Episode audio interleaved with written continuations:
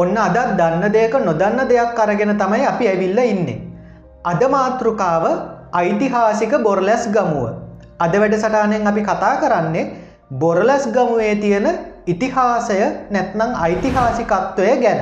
එතකොට ඕගොල්ල දන්නවා බොරලැස් ගමුව කියලා කියන්නේ ශ්‍රී ලංකාවේ බස්නාහිර පලාතේ කොළඹ දිස්ත්‍රික්කේ තියෙන එක්තරා ප්‍රදේශයක් කොළඹ අගනගරේදලා කිලෝමීටර් දොළහක් දුරින් තමයි බොරලැස් ගමුව පිහිටලා තියෙන්නේ. ඉස්සර මේ ප්‍රදේශයට කිව්වේ සල්පිටි කෝරලය කියලා අද වෙනකොට මේක කැස්බෑව මැතිවරණ කොට්ටාශයට තමයි අයිති වෙන්නේ. ඉතින් බොරලැස් ගම ඉතිහාසය ගැන කතා කරනකොට මුලින්ම කියන්න ඕන බොල්ලැස් ගමුවට නම හැදුණු විදිහ ගැන. බොර්ලැස් ගමුවට නම හැදුණු විදිහවල් ගැන විවිධ කටකතා තියෙනවා විවිධ මූලාශ්‍ර තියෙනවා ඒ හැම මූලාශ්‍රයකින්ම හැම කතාවකින්ම ප්‍රසිද්ධතම කතාව තමයි කෝට්ටේ හයවෙනි පරාක්‍රම් බව් රජතුමාගේ කාලය වුණු සිදුවීම. කෝට්ටේ හයවෙනි පරාක්‍රම් බව් රජ්ජුරුවන්ගේ කාලේ රටේ යම් යම් අස්ථාවරතා ගොඩ නැගුණ. එතකොට එහෙම ගොඩනැගුණු අස්ථාවරතා අතරින් ප්‍රධානතම දේ නැත්නම් ප්‍රධානතම අභියෝගය වුණේ යාපනය රාජධානියෙන් කෝට්ටේ රාජධානයට නැත්නං අපි කියන්නවා සිංහල රාජධානයට විටිං විට එල්ලවුණු ප්‍රහාර මාලාව. අපේ රටේ රාජධානිවල ඉතිහාසය ගත්තත් යාපනය රාජධානිය බලවත්වෙන්න බලවත්වෙන්න යාපන රාජධානියෙන් එල්ල කරපු ප්‍රහාරමාලාව බලවත් වුණා. ඉතිං ඒ නිසා පසුකාලයේදී සිංහල රාජධානියට සිද්ධ වුණා සිංහල රාජධානයේ පිහිටීම නැත්නම් අගනගරය කාලෙන් කාලෙට ලංකාවේ නිරිත දිගට විතැන් කරන්න. ඉතින් ඒක ප්‍රතිඵල විදියට තමයි දබදිනි රාජධානිය යාපහුව රාජධානයට විතැන් වෙනවා. ඊට පස යාපහුව රාජධානිය කුරුණෑගලට විතැන් වෙනවා. ඊට පස්සේ කුරුණෑගල ගම්පොලට විතැන් වෙනවා. එහෙම විතැන්වීම් සිද්ධ වනේ ඊට පස්සේ ගම්පොලටත් යාපනය රාජධානය ප්‍රහාර එල්ල වෙනවා. ඊට පස්සේ තමයි ගම්පොල රාජධානය කෝට්ටෙට මාරුවෙන්නේ ඒ කියන ගම්පොල තිබ්බ සිංහල රාජධානය කෝට්ටට මාරුවීම සිද්ධ වෙනවා. හැබැයි මෙතනදි වාසනාවකට කරුණක් තමයි ගම්පොල රාජධානය හිටපු පාලකයින් මේ යාපනය රාජධානයේ අයගේ ක්‍රියා කලාපයන් අධ්‍යනය කල්ලා ඒගොල්ල අනාගතය ගැන හිතුවා. ඉතින් ඒක ප්‍රතිඵලයක් විදිහට ගම්පොල රාජධානය තියෙන කාලයේම තමයි ඒ අය කෝට්ටේ රාජධානයේ ඉදිකිරීම් කටයුතු නැත්නම් මේ නිර්මාණ කටයුතු සිද්ධ කරන්න ගන්න. ඉතිං හිතුවත් වගේම ගම්පොල රාජධානයටත් යාපනය රාජධානය ප්‍රහාරයක් එල්ල වෙනවා ඊට පස්සේ සිංහල රාජධානය කෝට්ටට විතැන් වෙනවා. ඉතින් මෙහෙම කාලෙන් කාලට විතැන්වෙවී විතැන්වෙවී ඇවිල්ලා කෝට්ටේ හයවෙනි පරාක්‍රම් බව රජ්ජුරුවෝ ඒ කියන්නේ කෝට්ටේ රාජධානය පළවෙනි පාලකයා අදහස් කරනවා මේකට තිත තියන්න. ඉතින් කෝට්ටේ හයවිනි පරක්‍රම් බව රජ්ජුරුව මොකද කරන්නේ? සපුමල් කුමාරය ඇතුළු විශාල සිංහල හමුදාවක් නිර්මාණය කල්ලා යාපනයට යවනවා ප්‍රහාරයක් දියත් කරන්න. ඉතිං යාපනයට ගිහිල්ල යාපනය ආක්‍රමණය කල්ලා යාපනය රාජධානිය එක්ක යුද්ධ කල්ලා යාපනය රාජධානිය පරාජයට පත් කරනවා. ඒක් කරලා යාපනය රාජධානයෙන් තිබ්බිච්ච මේ අවුරුදු ගානක් තිබිච්ච මේ කරදර තර්ජන ගර්ජන ඔක්කොම මැඩ පවත්වනවා. ඉතින් ලංකාවේ යාපනය රාජධානිය කෝට්ටය රාජධානයට යටත්වීමත් එක්ක අපේ රටට සාමය උදා වෙනවා ඉතින් කෝට්ටේ හයවෙනි පරාක්‍රම් බව රජ්ජුරුවන්ව සැලකෙන්නේ ලංකාව අවසාන වරට එක්සේසත් කරපු රජතුමා විදිහට ඒ කියන්නේ මුළු ලංකාවම කෝට්ටේ කොඩිය යටතට ගන්න හයවෙනි පරාක්‍රම් බව රජ්ජුරුවෝ සමත් වෙනවා. එතකොට මේ කතාවට බොරලස් ගමුවත් සම්බන්ධ වෙනවා ඉතිං ඓතිහාසික මූලාශ්‍රවල තියෙන විදිහට මේ පරාක්‍රම් බව රජ්ජුරුවෝ යාපනය රාජධානය ආක්‍රමණය කරන්න රටවටයා එකතු කරපු හමුදාවට බොරලැස් ගමුව ප්‍රදේශයෙන් විශාල තරුණ පිරිස් එකතු වෙලා තියනෝ නැත්නම් සම්බන්ධ වෙලා තියෙනවා. විශාල බල සේනාවක්. බොල්ලස් ගමුව ප්‍රදේශයෙන් රජ්ජුරුවන්ගේ හමුදාවට එකතු වෙච්ච නිසා ඒ කාලේ මේ ප්‍රදේශය බලරැස් ගම කියලා හැදින්නෙව්වලු. බලරැස් ගම කියන්නේ බලය එකතු කරපු ගම්මානය කියන අර්ථය. ඉතින් ඒක තමයි දැන්ට තියෙන ප්‍රධානතම විශ්වාසය අනුව මේ බලරැස් ගම කියන එක බරලැස් ගම බොරලැස් ගම විදිහට විකාශනය වෙලා විකාශනය වෙලා ඇවිල්ලා බොරලැස් ගමුව වුණාය කියන එක තමයි දැන්ට වැඩි දෙනෙක් නැත්නම් වැඩි උගතුන් සංඛ්‍යාවක් පිළිගත්තු මතය වෙන්න. හැබැයි එක්දා සටසිය ගණන් වල මේ ප්‍රදේශය නාගස් හන්දිය කියලත් හදුන්වලා තියෙනවා කියලා අපේ පැරැන්නෝ කියනවා ඒකට හේතුව වෙන්නේ මේ අද බොල්ලස් ගමුව නගරය මැද්දේ ඒ කාලෙක්දා සටසිය ගණන්වල විශාල නාගහක් තිබිල තියෙනවා. ඒ කියන්නේ මිනිස්සු හත්තට දෙනෙක්ට විතර එකට එකතු වෙලා බදාගන්න පුළුවන් වෙන ප්‍රමාණයේ දැවන්ත නාගහක් තිබුණාය කියල කියන එක්දා සටසිය ගණන්වල ඉතින් ඒ නිසා මේ ප්‍රදේශය නාගස් හන්දිය කියලා ඒ කාලේ හදුන්වලා තියෙනවා. ඉතිං බලරැස් ගම ඒ විදියට විකාශනය වෙලා ඇවිල්ලා යම් කාලයක් නාගස් හන්දිය කියල හදුන්වලා පස්සේ තමයි අද ආයි බොල්ලස් ගමුව කියලා හදුන්වන්නේ එතකොට නාගස් හන්දිය කතාව ගත්තම ඒ කාලවල් වල මේ ප්‍රදේශොක්කොම ගණ කැලෑ විදියට තිබුණ. ඉතිං අද වගේ මහාමාර්ගිදි වෙලා නෑ ඔක්කොම කරත්ත පාරවල් තිබිල තියෙන ඉතින් ඒ නිසා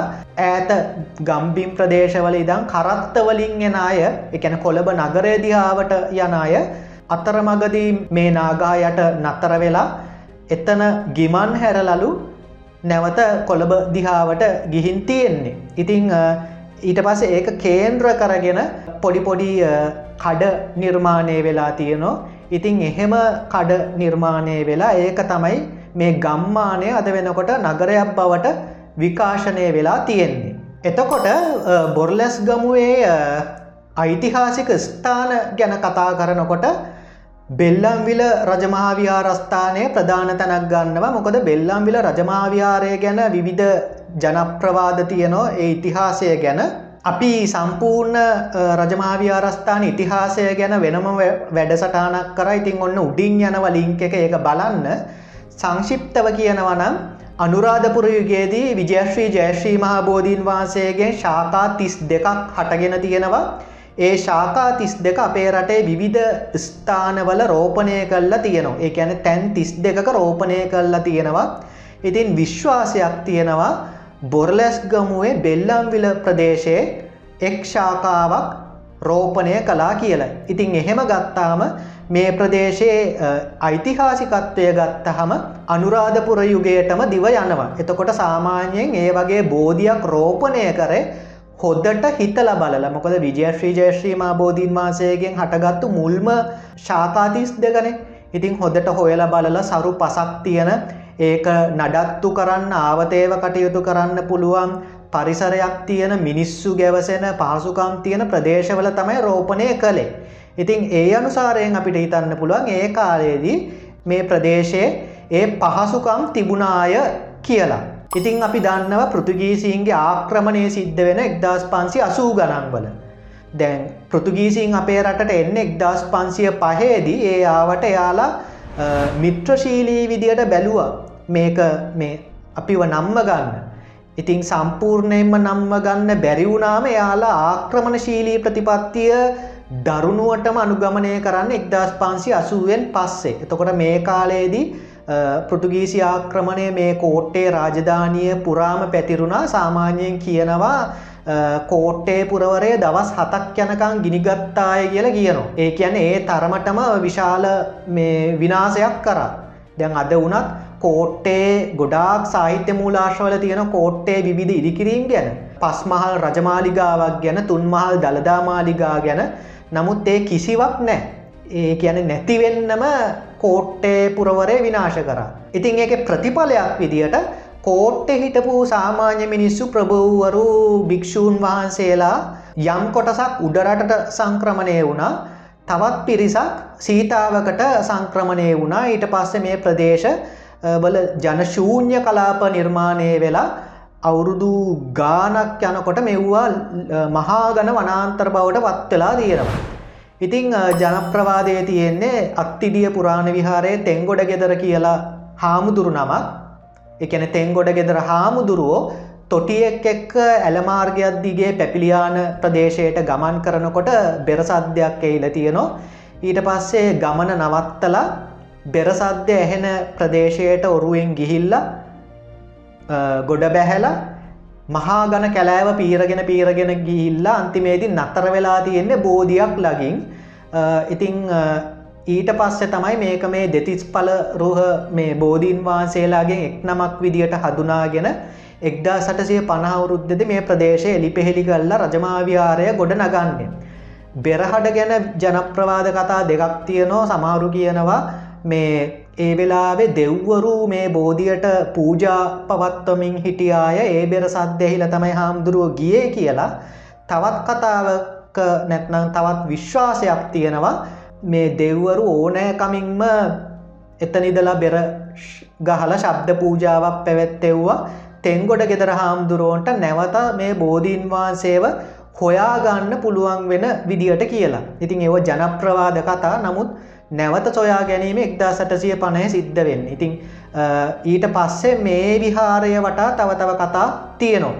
එතකොට දැම් පැපිලියානේ සුනත්‍රාදේවි රජමහාවිහාරය ගත්තොත් ඒක එක්දා සාරසිය ගණන් වල කෝට්ටේ හයවෙනි පරක්‍රම බව රජ්ජුරුව තමයි ගොඩනගන්නේ ඊට පස්සේ ඒක ගොඩනගන්නේ දැන් සුනෙට්‍රා දේවි කියල කියන රජ්ජුරුවන්ගේ මවගේ නම තිහිවෙන්න තමයි පැපිලියාන සුනෙට්‍රා දේවි රජමාවියාරය කෝට්ටේ හයවිනි පරක්‍රම බව රජ්ජුරුව ගොඩනගන්න. ඊට පස්සේ දැන් අදනං මේක දැන් පිරිවෙන සහ රජමාවියාරය පාර්ශව දෙකකින් තමයි අද පාලනය වෙන්නේ.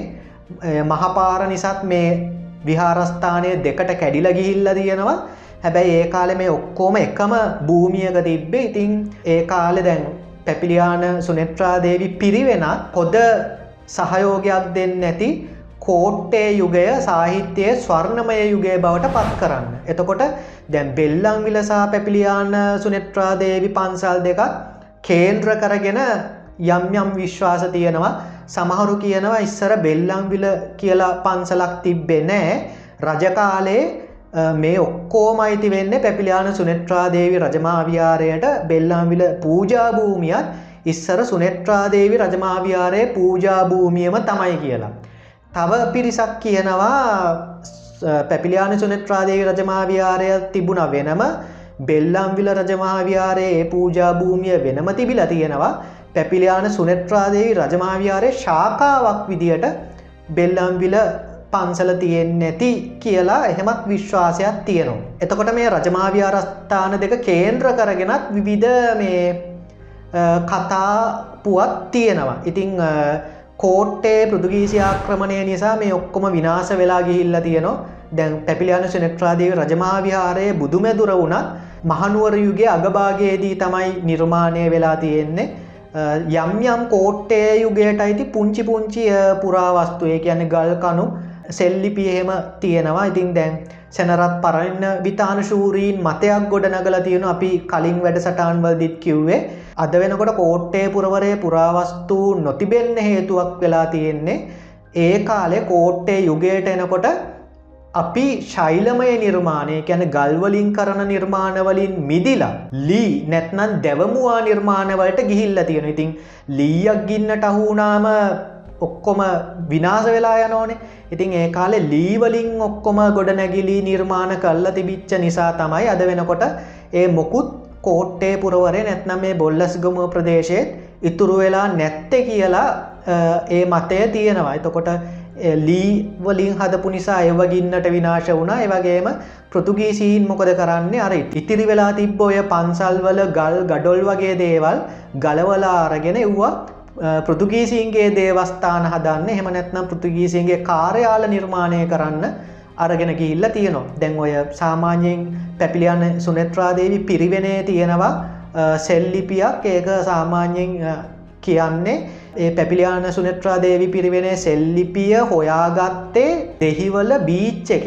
නැත්නම් දෙහිවල මුහුදු වැරල තිබිල තමයි ඒ ඒ සෙල්ලිපිය හොයාගෙන තියෙන්නේ කියන එච්චර දුර අරගෙන ගිල්ලා ඒ නිර්මාණ කටයුතුවලට යොදලා තියෙනවා. එතකොට ඊට අමතරව මේ අත්තිඩිය පුරාණ විහාරය ගන්න පුළුවන්. පිල්ලෑවේ පන්සල ටිකක් ප්‍රසිද්ධයි බොල්ලැස්ගම ඒක ගැනනම් මං කතා කරන්න කැමති නෑ මොකොද බොල්ලැස්ගමුවේ ගමේ මිනිස්සු දන්නවා ඒ ස්ථානය මොන වගේ ස්ථානයක්ද කියලා. ඉතින් ඒ නිසා ඒක ගැන පොඩ්ඩක්වත් කතා කරන්න කැමති නෑ. නමුත් දුර්මත බිදින්න ඕන නිසා කියන්නන් සාමාන්‍යයෙන් මතයක් තියෙනවා. පිල්ලෑව පන්සලේ බෝධිය ඓතිහාසික බෝධීන් වහන්සේ නම ඒක සමසතලිස් බෝධීන් වහන්සේලාගෙන් එක් නමක් විදිටත් සමාරු කියනවා.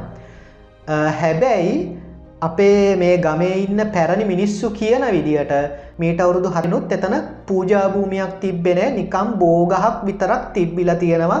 ඒක ඓතිහාසික බෝගහත්ද නැත්නම් කාක බෝධියක්? නැත්නම් කුරුල්ලොන්ගේ වර්චස්වලින් හැදිච්ච බෝධියක්ද කියන එක තාමත් ඒ සැකය තියෙනවා. සහ තන තිබිල තියෙන්නේ බෝධියක්සා ගව ගාතකාගාරයක් විතරයි. ගැන හරක් මරණ මඩුවක්ලු තිබිල තියෙන හරක්ගෙලේ තියෙන මැරිත් හරක් ඉන්න හරක් මස් විකුණන ස්ථානයක්ලු තිබිල තියෙන්නේ.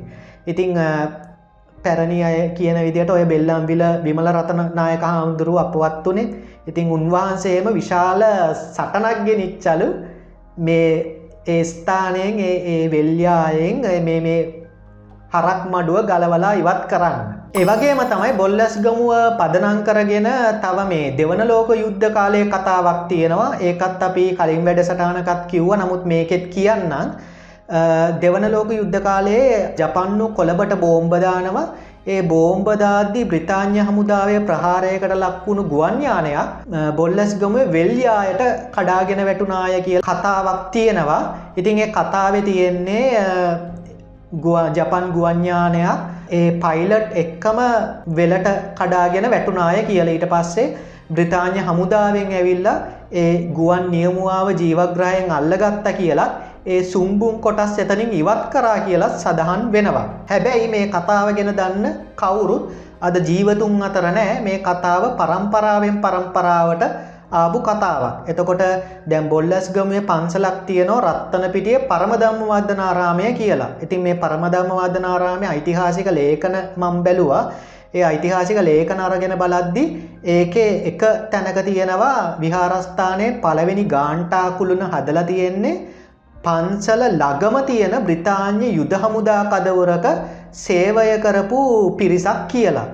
ඉතිං සමහර විට මේ ළඟ තිබ්බාය කියන බ්‍රිතාන්‍ය හමුදා මේ යුද හමුදා කදවුරෙන් එල්ල කරපු ප්‍රහාරයකට ගොදුරු වෙච්ච ගුවන්ඥානයක් වෙන්න පුළුවන් ඒවගේම තව කතාවක් තියෙනවා මේ ජශ්‍රී ජයවදනපුර විශ්වවිද්‍යාලය විජයරාමේ තියෙන ප්‍රදේශය ඒ භූමිය ඉස්සර ඒ කාලේ බ්‍රිතාාඥ හමුදාකදවුරක් තිබුණාය කියලා. එතකොට සමාරවිට ඒ හමුදාකදවුරින් එල්ල කරපු ප්‍රහාරයකට ගොදුරුණු ගුවන්ඥානයක් වෙන්න පුළුවන් ඊට පස කෝමරි මේ මෑත කාලීන කරපු සංවර්ධන කටයුතුවද ඒකැනේ වෙල්්‍යායවල් ගැබුරට ගැබුරට හාරගෙන යනකොට ඒ හාරපුයට අහු වෙලා තියෙනවා ගුවන්ඥානයක කියලා සැක කරන්න පුළුවන් පොඩි පොඩි සුන්බුන් කොටස් ඔය ඇන්න මුරිච්චි වගේ දේවල් තින් එහෙම කතාවකුත් තියෙනවා. ඒවිල්ල එක්දස් නමසය හතලිස් දෙකවුරුද්ධ අප්‍රේල් මාසේ මුල සිදුවෙච්ච සිදුවීමක්. ඒවගේම බෝම්බ දැමීම් කියනකොට මෑතකාලීන ඉතිහාසේ වුණු සිදුවීමකුත් මතක් වෙනවා ඒ තමයි දෙදා සටේ මෛත්‍රපාල සිරිසේන මහතාට එල්ලවුණු ප්‍රහාරය. එතකොට දෙදා සටවුරුද්ධ කියන්න මහින්ද රාජපක්ෂ ජනාධිපතිවරයාගේ පාලන කාලය මේ කාලයේ මෛත්‍රපාල සිරිසේන ඒ කියන හිටපු ජනාධිපති මෛත්‍රපාල සිරිසේන මේ කාලයේ අපේ රටේ කෘෂිකාර්ම ඇමතිවරයා විදියට හිටිය. එතකොට කෘෂිකර්ම ඇමතිවරයා විදියට ඉන්න කාලේ දෙදා සටවුරුද්දේ බොර්ලස් ගමුවේ කෘෂිකර්මය පදනං කරගත්තු වැඩසටානකදී මට මතක විදියට මොකක් හරි කුබුරක් අස්වැද්දීම සම්බන්ධ වැඩසටානකට සහභාගී වෙලා නැවත එමින් සිටියදී බොර්ලස් ගමුවේ පිරිවෙන හන්දියේදී LTT ට්‍රස්ත ත්‍රස්තවාදී සාමාජිකයෙක් විසින් අපි කියන්නේ කාඩර්ස්ල කියලා ඒ කාඩර් කෙනෙක්ගේ මරාගෙන මැරෙන බෝම්බ ප්‍රහාරයකට ලක් වෙනවා. ඉතින් මේ ප්‍රහාරයේදී ඒ රථපෙළපාලියේ ගමන්ගත්තු වාහන කිහිපයකට ලාභානි වෙන මෛත්‍රපාල සිරිසේන කෘෂිකර්ම ඇමතිවරය ඇතුළු ඔහු එක්ක ගමන් කරපු ආරක්ෂක නිලධාරීන් සියලූම දෙනා බේරෙනවා මට මතක විදිහට පාර ගමන් කරමින් හිටපු එක සිවිල් පුරවැසියෙක් මිය යනෝ. එතකොට පස්සේ මේ සිදුවීම් දාමය අනාවරණය කරගත්තා එතකොට එතෙන්දි වෙලා තියෙන්නේ මෛත්‍රපාල සිරිසේන කෘෂිකර්ම ඇමතිවරයා මේ වැඩසටානට ගිහින් තියෙන්නේ එක වාහනයකින් නමුත් කෘෂිකර්මාන්ත වැඩසටාන ඉවර වෙලා නැවත ඒ තමන්ගේ කාර්යාලය වෙත පැමිණෙනකොට මෛත්‍රිපාල සිරිසේන මහත්මයා අර මේ ගමනට යනකොට භාවිතා කරපු වාහනය නෙමේ වෙනත් වාහනයක තමයි ඇවිල්ල තියෙන්නේ. එතකොට මේ පිරිවෙන හන්දිය එල්ලවෙච්ච බෝම්භ ප්‍රහාරයේදී ඉලක්ක ගත කෙරලා තියෙන්නේ අමාත්‍යවරයා මේ වැඩසටානට යනකොට භාවිතා කරපු මෝටර් රථය නැත්නම් වාහනය ඉලක්ක කරගෙන. ඉතිං අන්න ඒ විදිහට යනකොට එක වාහනයක් නමුත් එනකොට තව වාහනයක්. ඒ විදිහට වාහනය මාරු කරගත්තු නිසා තමයි අමාත්‍යවරයාගේ ජීවිතය බේරිලා තියෙන. ඉතින් මේ ප්‍රදේශයේ ගොඩක් ජීවතුන් අතර ඉන්නවා ප්‍රසිද්ධ පුද්ගලයෝ ඒ වගේම තව ගොඩක් ප්‍රසිද්ධ පුද්ගලයෝ ජීවතුන් අතර හිටියා ඉතින් ඒ අයවත් මතක් කරන්න ඕන කිහිප දෙනෙක් හරි ජීවතුන් අතර හිටපු ප්‍රසිද්ධ පුද්ගලය ගත්තොත් දැන් මම ඉන්නේ රත්තන පිටිය ජH පෙරේරාමාවතේ. ඉතින් මේ පාර නම් කල්ලම තියෙන්නේ කොළබයුගේ විශිෂ්ට කවියෙක් වුණු ජH පෙරේරාගේ නමින් එතුමා හිටියේ අපේ පැත් ඊට පස්සේ ශ්‍රී චන්ද්‍රරත්න මානව සිංහශූරීන් ජීවිතය අවසාන කාලේ ජීවත් වනේ බොල්ලැස් ගමු එතුමාගේ සොහොන අදටත් බොල්ලස් ගමු ඇබිල්ලවත්ත පාරට ගියොත් දැකගන්න පුළුවන්. සොහොන් කොත. ඊට පස්සේ සෝමවීර සේනානායක මහත්මය බොල්ලස් ගම. ඉතින් සෝමවීර සේනානායක මහත්මයාගේ ඔය යසෝරාවය අසල් වැසියෝ වගේ තිරපිට පත්වල පවා මේ මේ බොල්ලස් ගමුවේ යම් යම් ප්‍රදේශ සම්බන්ධ බොල්ලස් ගමුව පැපිලියාන කටුවාවල වේරහැර වගේ ප්‍රදේශ සම්බන්ධව සඳහන් වෙනවා ඒ ඩයලොක්ස් වල. ඒවගේම තමයි තිස්ස අබේසේකර ශූරීන්ගේ පිටගංකාරයෝ.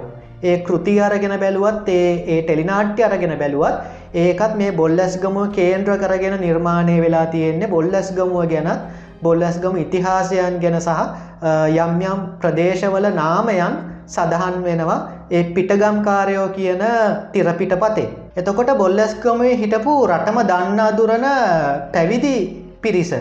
නැත්නං අපේ පූජ්‍ය පක්ෂය නැත්නං අපේ හාමුදුරුවරු ගැන කතා කරනකොට අපිට ප්‍රධාන වශයෙන්ම හාමුදුරුවරු තුන් නමක් බොල්ලැස් ගමුවේ වැඩ සිටිය එක් නමක් තමයි බෙල්ලම්විල රජමාවියාරස්ථානය වර්තමාන පුනරුදයේ නිර්මාතෘ නැත්නගේ පුනරුදයට මූලිකත්වය ගත්තු බෙල්ලම්විල රජමාවියාරස්ථානය හිටපු විහාරාධිපති අපවත් වී වදාළ පූජ්‍ය බෙල්ලම්විල සෝමරතන නායක හාමුදුරුව.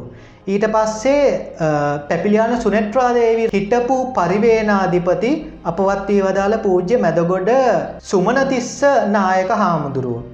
ඊට පස්සේ බෙල්ලම්විල රජමාවියාරස්ථානය හිටපු විහාරාධිකාරී අපවත් වී වදාළ පූජ්‍ය බෙල්ලම්විල විමල රතන අනුනා හිමි. එතකොට මේ හාමුදුරුවරු තුන්නම ගැන ඒ හාමුදුරුවරුන්ගේ නම කිව් සැනින් අපේ රටේ ඕනෑම කෙනෙක් දන්නවා. ඊට පස්සේ තව පුද්ගලයෝ ගොඩක් අපේ ගමේ බොල්ලැස් ගමුවේ ජීවත් වෙලා හිටිය ඒවගේම දැන්ටත් වාසනාවකට ජීවතුන් අතර ඉන්නවා ඒ අතරින් ටිකක් අපි හැමෝම දන්න අදුරන විවිධ ශේෂ්‍රවලට අයිති වෙන පුද්ගලින් කිහිප දෙනෙක්ගේ නාමාවලියක් අපි දැම් බලමු.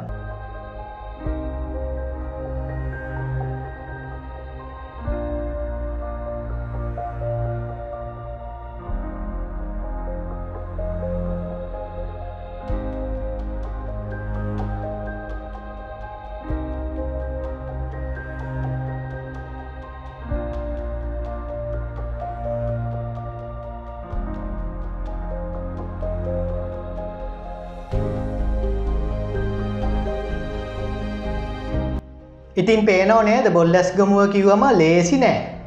දැන් අපි යමු භූවිෂමතා ලක්ෂණ වලට. බොර්ලැස් ගමුවේ භූවිෂමතා ගැන ගත්තම බොල්ලැස් ගමුව අංශ කිහිපයකින් ප්‍රධානස්ථානයක් ගන්න එකක් තමයි සරු පස.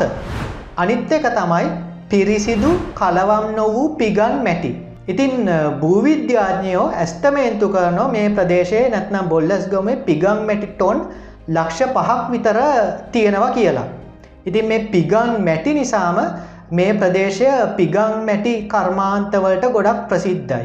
හැබැයි ආර්ථික අංශය ගත්තාම පිගම් මැටි කර්මාන්තයටත් වඩා ඉස්සර මේ ප්‍රදේශය කෘෂිකර්මාන්තය මත තමයි යැපුණේ. ඉතින් කෘෂිකර්මාන්තය කිව්වම කෘෂිකර්මාන්තය කොටස් දෙකයි ගොඩ ගොවිතැන මඩ ගොවිතැන එතකොට මඩ ගොවිතැනයේදී හාල් වර්ග වගා කරනවා ගොඩ ගොවිතැනේදී එලවලු පළතුරු වගේ බෝග වර්ග වගා කරන ඉතින් මේ ගොවිතැන් දෙකම මේ ප්‍රදේශය සිද්ධ වෙලා තියෙනෝ සහ ගොඩක් පළතුරු එලවලු වගේ දේවල් ලේසියම මේ ප්‍රදේශයේ වගා කරන්න පුළුවන්.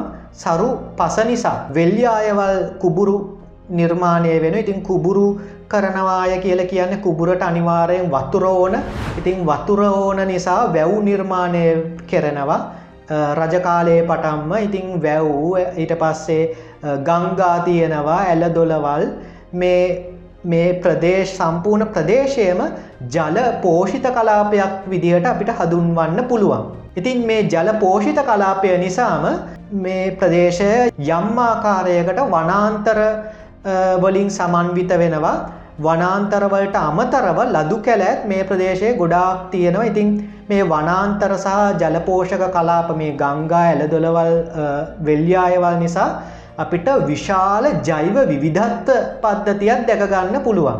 එතකොට ජල පෝෂක කලාප විදියට අපිට ගන්න පුළන් බොල්ලැස් ගමේ වැව ඉට පස්සේ කටුවල ඉට පස්සේ දෙල්කද ඇලක් යනවා ඊට පස්සේ මෑතකාලී නිතිහාසේ දෙල්කද වැව් දෙකක් නිර්මාණය වුණා කෘතිමව.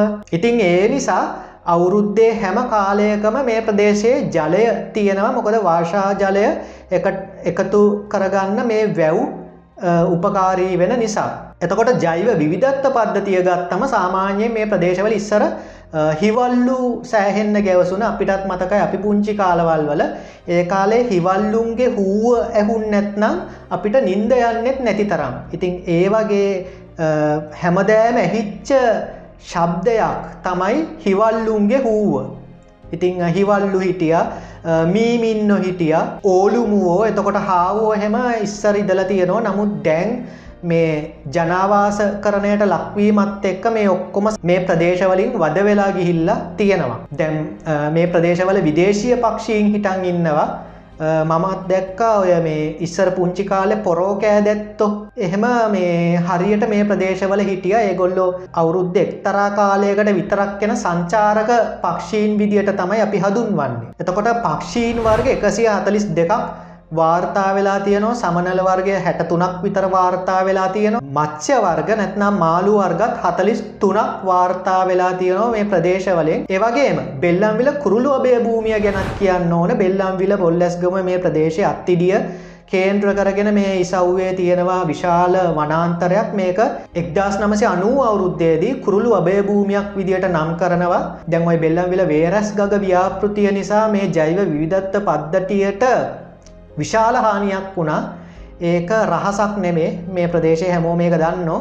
ඉතිං ඒක වෙනම කතාවක්. නමුත් කුරුළු අබේ භූමිය ගත්තාම අරකිව්වත් වගේ එක්දස් නමසේ අනුව තමයි මේක නම් කරන්නේ අභය භූමියක් විදියට. ඒක කුරුල්ලොන්ටම තමයි වෙන් කල්ල තියෙන්නේ. දේශයසා විදේශය පක්ෂීන් ගොඩක් ඉන්නවා. ජලය ආශ්‍රිතව ජීවත්වන පක්ෂීන්සා කැලෑව ඇතුළ ඉන්න පක්ෂීන්. එතකොට කුරුළු අභයභූමියක් විදියට පක්ෂීන්ට වෙන් කරාට අනිත් අනිත් සත්තු වර්ගත් මේ කලාපය තුළ ඉන්නවා.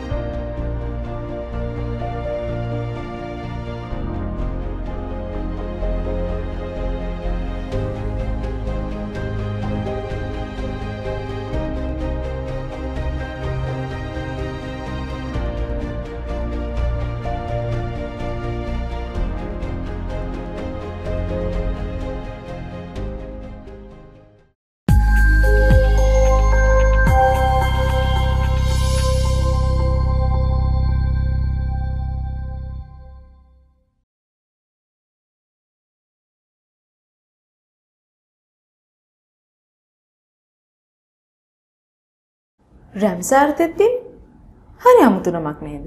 අද අපි ඔයාලට කියන්න යන්නේ මේ දවස්වල අපේ රටේ කාගෙත් වැඩි අවධානය යොමුණු මාතෘකාවක් වන රැම්සාර් තෙත්බීම් ගැනයි. තෙත්බිමක් කියලා කියන්නේ සදාකාලිකම ජලයෙන් පෝෂිත වෙලා තියෙන හෝ ඉර්තුමය බලපෑම් මත තාවකාලිකව ජලයෙන් යටවන සුවිශේෂී පරිසර පද්ධතියකටයි. අනෙක් පරිසර පද්ධතිවලට සාපේක්ෂව තෙත්බිම් වලින් ඔක්සිජන් නිපදවීමේ ක්‍රියාවලිය අවම මට්ටමක තිබුණත් පරිසරය වෙනුවෙන් තෙත්බිම් සිදු කරන කාර්ය නම් කොහෙත්ම අවතක්සේරු කරන්න බැහැ. ඒ අතරින් ජලය පිරිසිදු කිරීම, ජලය ගබඩා කිරීම, කාබන් සහ අනිකුත් පෝෂ්‍ය පදාර්ථ සැකසීම, වෙරළතීරයන් ස්ථාවර කිරීම, පාංශුකාදනයන් වැළැක්වීම සහ විශේෂයෙන්ම සාක හා සතුන් සඳහා අවශ්‍ය වන පුළුල් ජෛව විවිධත්ව පද්ධතියක් සැකසීම වගේ දේවල් අපිට උදාහරණ විදිහට කියන්න පුළුවන්. එක්දහස් නවසේ හැත්ත එක අවුරුද්දේ ඉරානයේ රැම්සාර් නගරයේ ලෝකෙ ස්වභාවික හෝ කෘතිම තෙද්බීම් සංරක්ෂණය සහ තිරසාර භාවිතය සඳහා වූ ජාත්‍යන්ත්‍ර සම්මුතියක් ඇති කෙරෙනවා. මේ සම්මුතිය මසාර් නගරේ අත්සන් තබපු නිසා තමයි මේ සම්මුතිය නිර්දේශ ලක්ෂණ සහ ප්‍රතිපත්තිවලට යටත් වෙන තෙද්බිම් රැම්සාර් තෙද්බිම් විදියට හඳුන්වන්නේ.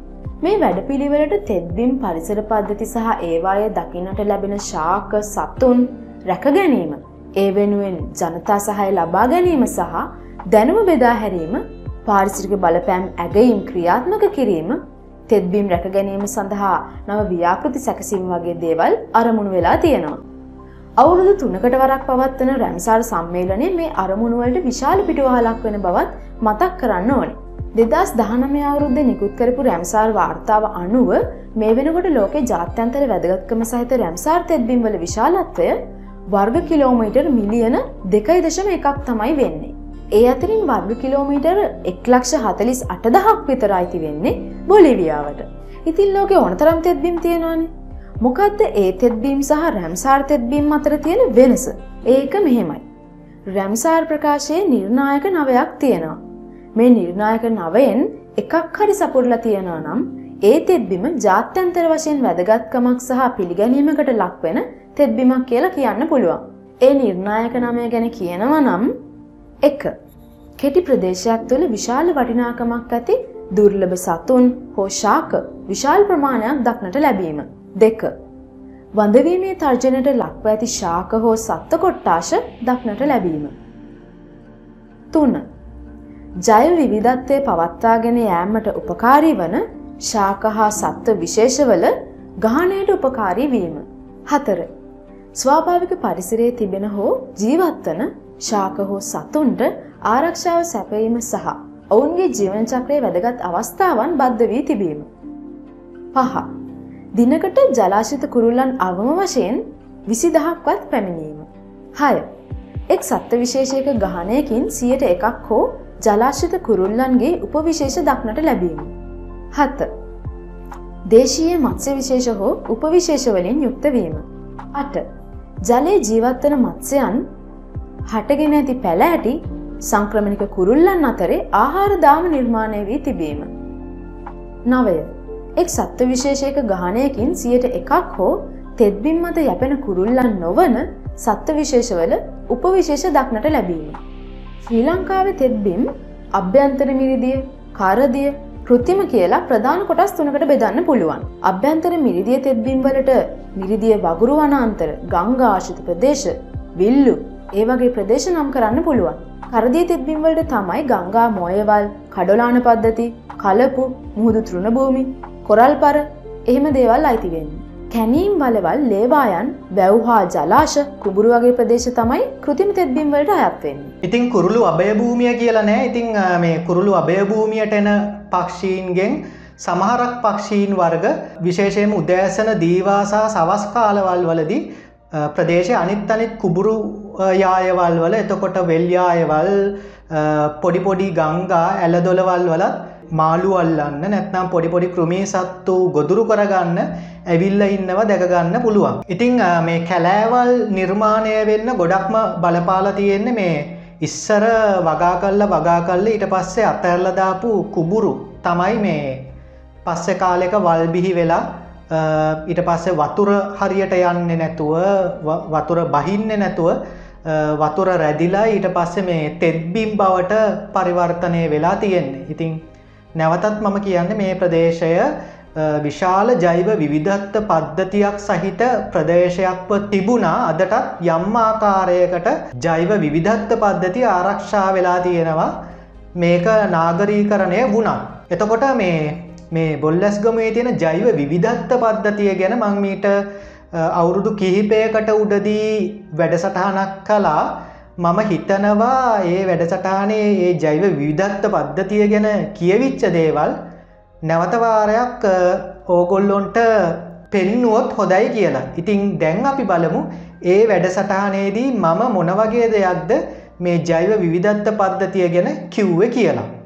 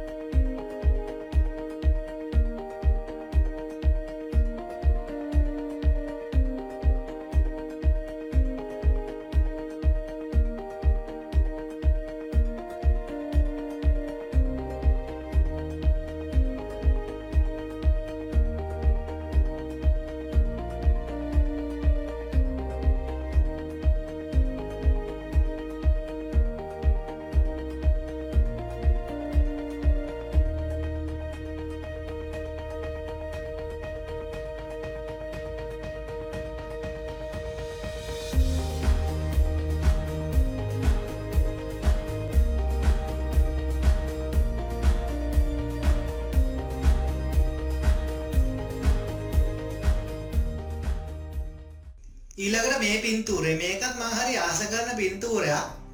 මෙතන දැන් මේ අපේ ගෙදර පිටිපස්සේ ඇලක් තමයි තියෙන්නේ. ඒ ඇලේ කබර ගොයෙක් පුරුදු වෙලා ඉන්නවා ඒ ඇලමාර්ගය දිගේ ගමන් කරන්න. එතකොට ඒ කබර ගොයා ඇලේ මාර්ගය දිගේ ගමන් කරමින් ඉන්නකොට එතන හිටිය මේ කීරලෙක්. දැ මේ වර්ගේ කීරලුන්ට අපි කියන්නේ රත් යටිමල් කීරලා කියලා. කියන්නේ එයාගේ අර රතුපාට හොටක් සහ ඇහැ එකන හොටේ ඉදලක් ඇහැ ළඟට යනක රතුපාටත් තමයි තියෙන්නේ. ඒ නිසා තමයි රත් යටිමල් කීරලා කියලා අපි එයාට කියන්නේ.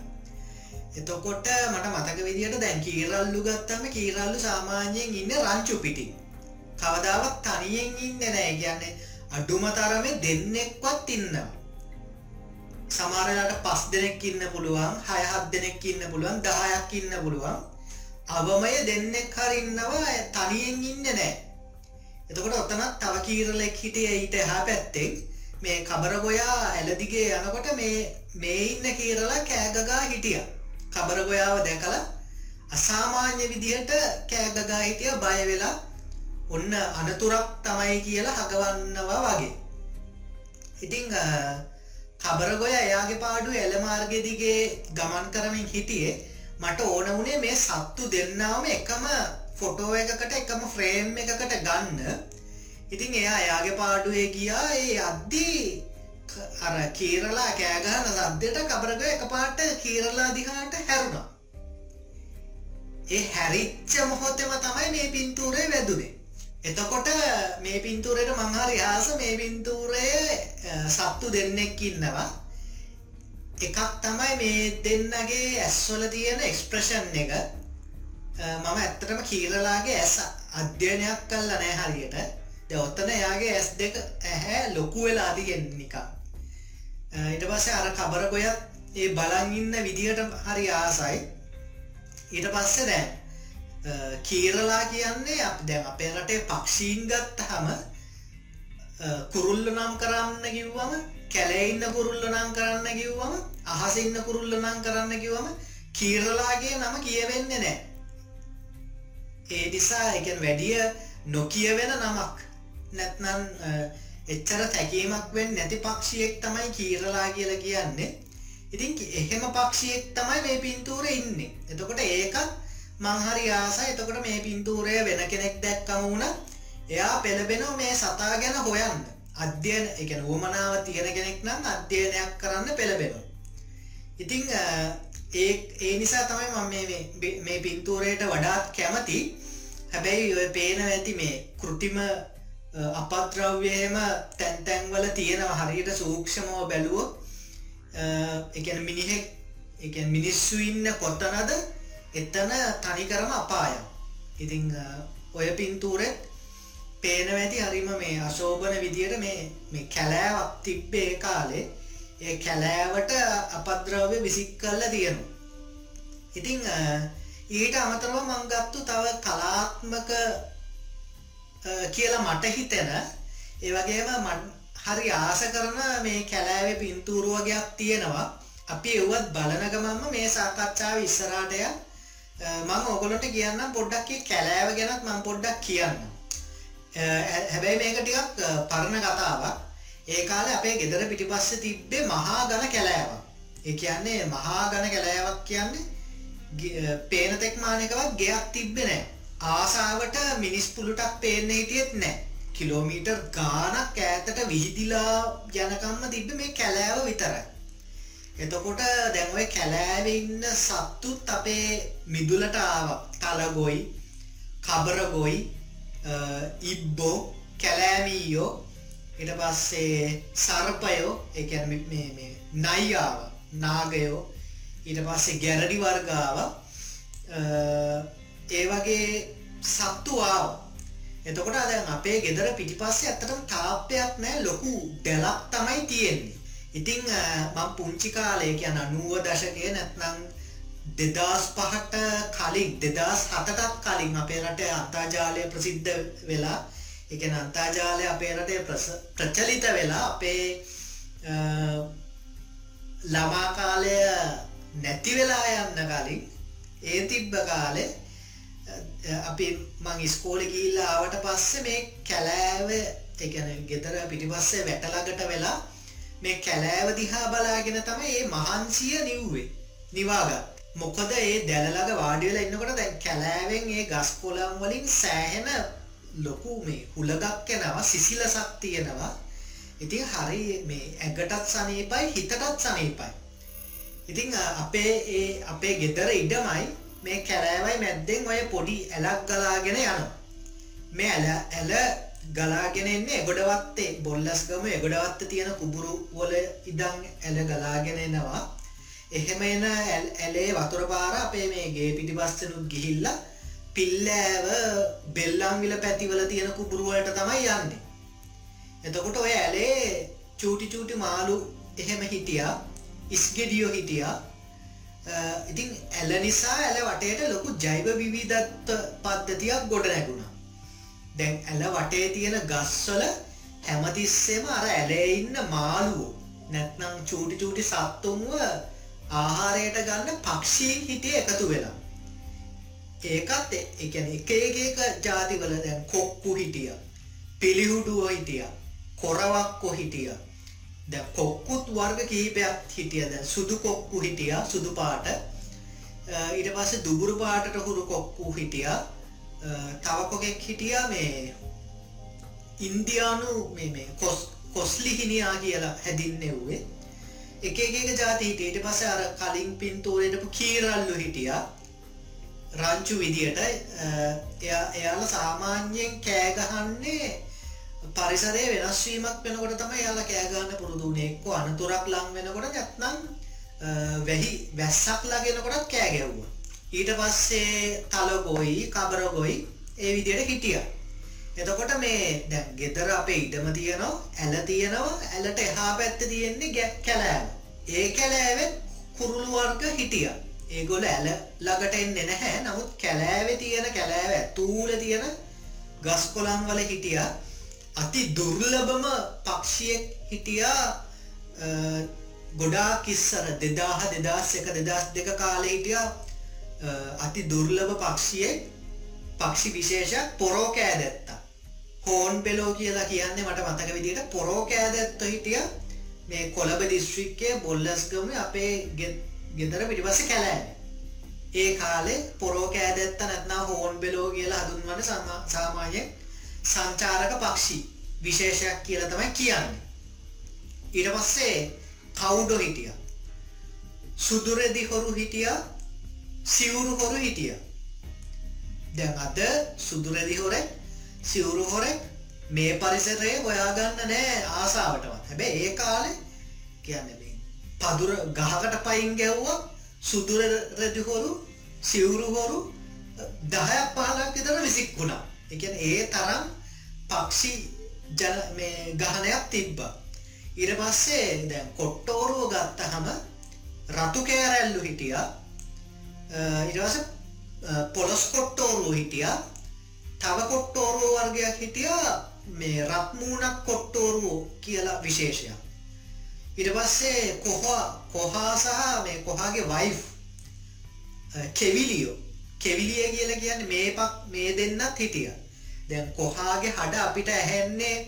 කෙවිලියගේ අඩ ඇහෙන්නේ අප්‍රේල්වටනේ ඒ අප්‍රේල්වට එන්නේ එයාල බිත්තරදාන්න ප්‍රජනනය දෙන සංසර්ගය දෙන කාල. හැබැයි කොහා කියන්නේ නිතරම පේනීටපු පක්ෂය. සමහරු මං පොත්තල කියවලා තියෙන යාල මේ අපේ රටෙත් නෙමේ ඔය සයිබීරියාව රුසියාව වගේ පැතිවල ඉටලා අපේ රටට එන සංචාරක පක්ෂි විශේෂ කියලා. එහෙම ඇවිල්ලා ආයි ඒගොල්ලොන්ට තේරුණොත් ද ලංකාවේ ගතකල් ආයි ඒගොල්ලොගේ මවුරටට පියාබන්න ඒගොල්ලොන්ට හැකියාවක් නෑහරි ඒගොල්ලො දැන් වයසට ගිහිල්ල වගේ කියලා තේරුණොත් ඒගොල්ලො අපේ රටේ නතර වෙනවලු එහෙම පක්ෂි විශේෂය එහෙම අය තමයි ඔය අවාරටත් පේන්න ඉන්නේ. ඊට පස්ස හිටිය මේ සමනල්ලු වර්ග ගොඩාක් හිටිය. එක එක එක ජාතිය සමනල්ලු. බත්කූරො හිටිය. මකුළුව වර්ග හිටිය සෑහන ප්‍රමාණයක්. ඊට පස්සේ තවකුරුල්ල හිටිය. පොල්කිච්චෝ සූටික්කෝ බට්ටිච්චෝ කොන්්ඩකුරුල්ලෝ කහකුරුල්ලෝ අලු කොබෙයියෝ පැණිකුරුල්ලෝ මයිනෝ කාක්කෝ වඩුකුරුල්ලෝ ගිරව් දෙමලිච්චෝ වගේ කුරුල්ලු හිටිය. ලේන්නු හිටිය. ඉට පස්සේ වදුරු රංචුවක් හිටිය. ඒ වදුරු රංචුවේ විස්සක් විතර හිටිය වදුරු.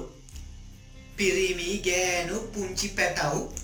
ඉට පස්සේ හෝතම්බුව රංචුවක් හිටිය. හෝතම්බුව රංචුවේ මහිතන හෝතම්බුව හිටිය පාක් හයක්. ඊට පස්සේ රෑ පරිසරය ගත්තාම රෑ විශේෂිත පරිසරයක් තිබ්බය කැලෑවේ. අර සාමාන්‍ය පරිසරව වල තියෙන වගේ ගෙම්බෝන්ගේ සද්ද රැහැයුන්ගේ සද්ද තිබුණා. හිවල්ලු හිටිය. දැන් නරීයට වඩා හිවල කියන්නේ ප්‍රමාණයෙන් පුංචි හැබැයි ඒත් භයානකයි. හිවල්ලු හිටිය මංහිතන්නේ සෑහෙන ප්‍රමාණයක් හිටිය. රංචුවේ අපි ඇස් දෙකට මම ඇස් දෙකට දැකල නෑ හැබැයි ඒ කාලේ අපේ ගමේ හිවල්ලුන්ගේ හූව කියන්න හරිම සුලබ දෙයක්. හරිම සුලබ ඉගැන හැමදෑම අපිට හිවල්ලු මහරයට හූතියරව හෙනෝ දැන් අර අපි දැන් සාමාන්‍යයෙන් පෙරපාසල්වල ඉගෙනගෙන තියෙනවනේ හිවලා නරයා හූ කියන්නේ හූ කියලා නෙමේ කියන්නේ හොක්කි හොක්කි හූ කියලා කියනවා කියලා තමයි අර අපි ඒ ශබ්ද රටාව අඳුරගෙන තියෙන්නේ. එතකොට ඒ හොක්කි හොක්කි හූ කියන එක ඒ ඒ ශබ්ද රටාවෙන්ම හිවල ඒ විදිහටම හූ තියෙනවා. ඉතින් ඒ හිවල්ලු රංචුව හරිම සුලබයි ඒ කාලේ අපේ ගමේ. ඉතින් ඒ හිවල්ලුන්ගේ හූව ඇහුනට පස්සේ දැන් හිවල්ලුන්ගේ හුව තමයි ෆස්ට් රවුන්ඩ් එක යන්නේ පළවෙනි වටේ හිවල්ලු හූතිකල ඉවර වුණාට පස්සේ ඉවර වෙනත් එක්කම අපේ ගමේ ඉන්න ඕනේ බල්ලෝ. ගෙවල් වල බල්ලෝ ඉන්නවා. ඊට පස්සේ පාර ඉන්නවා ගෙවල් නැති දඩාවත යන බල්ලෝ. මේ ඔක්කොම එකට එකතු වෙලා එකම වෙලාවෙ එකම විදිහට හූතියන්න ගන්න. උඩු පුරන්න ගන්නවා. මුලින්ම හිවල්ලු ටික හූතියනවා. එයාලගේ හුව නතර වෙනකොට ගමේ ඉන්න හැම බල්ලෙක්ම උඩු පුරනවා. ඒකේ කතා දෙකක් නැහැ. ඒ කියන්නේ අර හිවලාගේ හූවට මේගොල්ලු කුලප්පු වෙලා. හරි සමහරට සත්තු සත්තුනේ සමහර විට ඒගොල්ලෝ සංනිවේදනය කිරීමක් කරන වෙන්න පුළුවන්. ඊට පස්සේ කලවැද්දෝ හිටියා. බොහොම කලාතුරකි. කිරිවවුල්ලෝ හිටියා. වවුල්ලු වර්ග අතරින් ඒගොල්ලෝගේ ඡායාව පෙනුණා. බකමූණ හිටියද කියන්න මන් දන්නේ නැහැ. මේ බස්සෝ හිටියා. බස්ස කියන්න බකුමූුණු වර්ගයක්. හැබැයි එයට වඩා චුට්ටක් පොඩි පොඩි උපවිශේෂයක්. ඒගොල්ලො හිටිය. ඒක තමයි ඒ කැලෑව රෑට රෑට තිබ්බ ඒ මගේ මතකය. ඊට පස්සේ කැලෑවේ මායිම මායිමේ තමයි එගොඩවත්තේ කුබුරු තිබ්බේ කුබුරු කුබුරු වල අපිට ඒ කාලේ අපි දැක්කක් චූටි කාලේ ගොවියෝ හරි මහන්සියෙන් වැඩ කරනවා. කුබුරු එකන මේ කුබුරුවලත් හිටිය ඒකොනොක මී කරක් පට්ටි. එතකොට කුබුරු අස්වද්ධන කාල වෙනකොට මෙයාල කරන්න මොකද? ඒගොළගේ මීහරක් පට්ටිවල හිටිය පණහක් විතර හිටිය සත්තු. පිරිමි සත්තු හිටිය ගෑනු සත්තුට චූටි පැටවුත් හිටිය.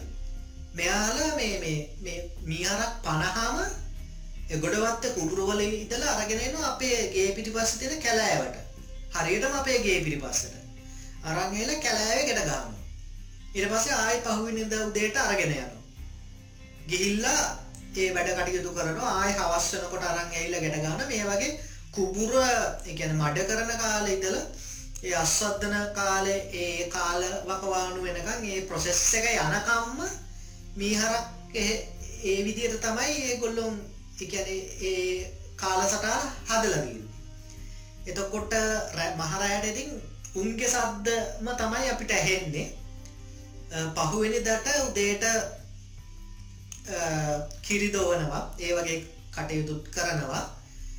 පෙළත් දවස්වල ගොවියෝ එගොඩවත්ත කුබුරුවලට නැතුව මේ පෙල්ලා පිල පැත්ත පිල්ලය පැත්ත තියෙන කුබුරුවලටත් මේ හරක්ව අරංයන්න එතකොට එහෙම හරක් කරන්න යන්නේ අපේ අර ගේ පිටි පස්සෙන ඇල මාර්ගෙදිගේ තමයි ඇල ඇල මාර්ගෙදිගේ තමයි හරක් පේලිය රංචුවට අරගෙන යන්නේ.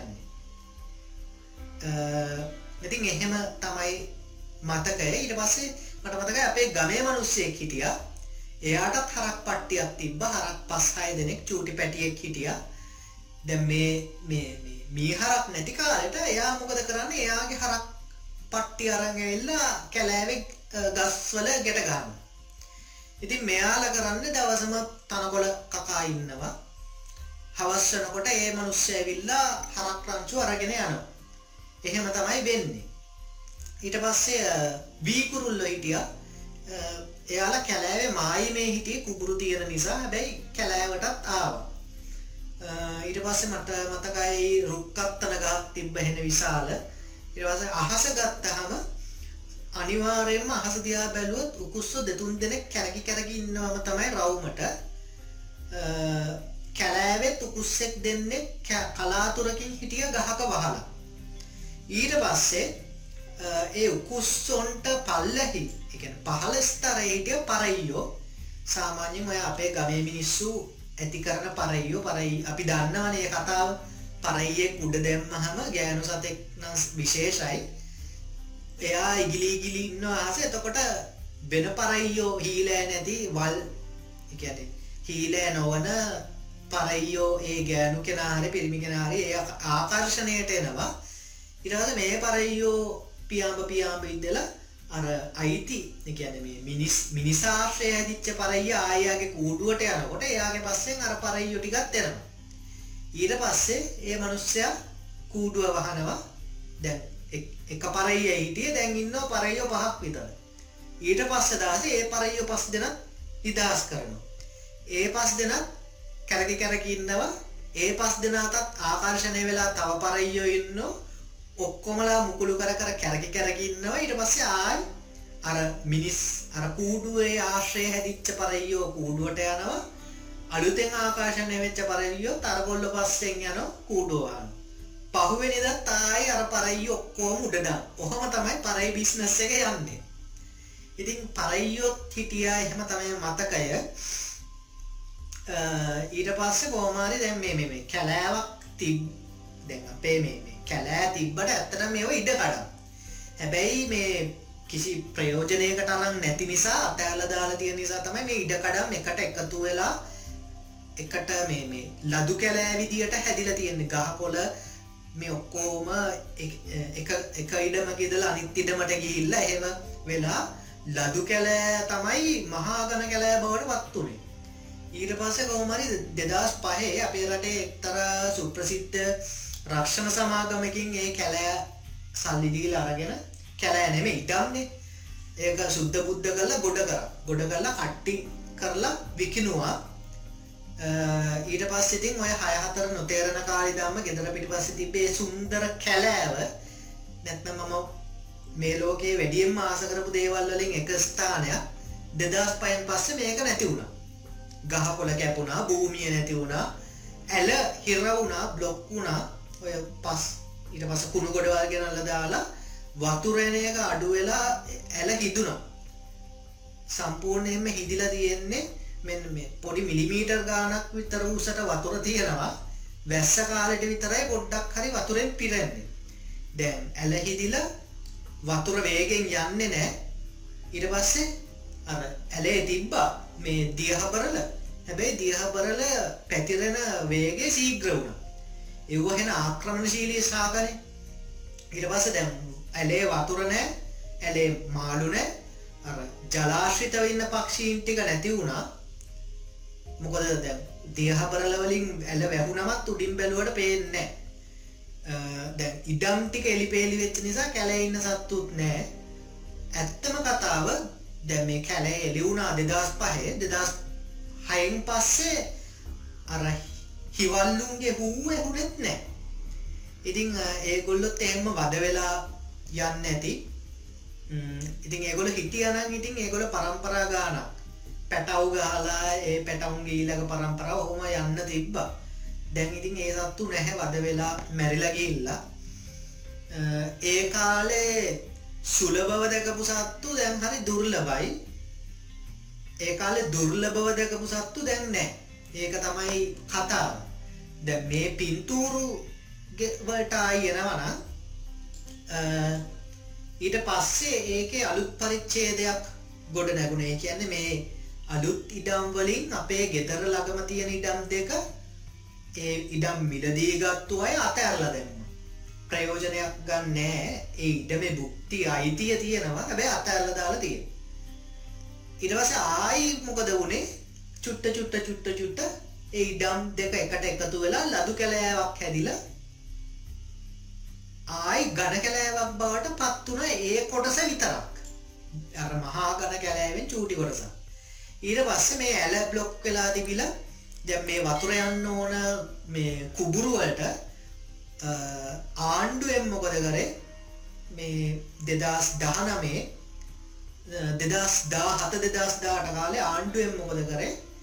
නගර සභාවෙන් දාලා මේක ඇල සුද්ධ කර. සම්පූර්ණයෙන් දියාබරල අයින් කල්ල ඇල තව පල්ලයට පල්ලයට ගැබුරට හාරලා සුද්ධ කරා. ඒත් එක්කම ලොකු ධාරානිපාත වැස්සක් කඩාගෙන පාත්තලා මාස මාසයක් යනකම් වැස්සා ඊට පස්සේ මොකද වුණේ අර ඒ කාලෙ තිබිච්ච එකන ඇල පදනං කරගෙන තිබිච්ච ජෛව විවිධත්ව වද්ධතිය එක පාට්ටම ආවා. අර කැලෑවේ මේ පරිසරය නම් එම වෙනස් වුණා. නමුත් අර ජෛවවිවිධත්ව පද්ධති ඇලාශ්‍රිතව තිබ්බ එක ඒ විදිහටම ආවා.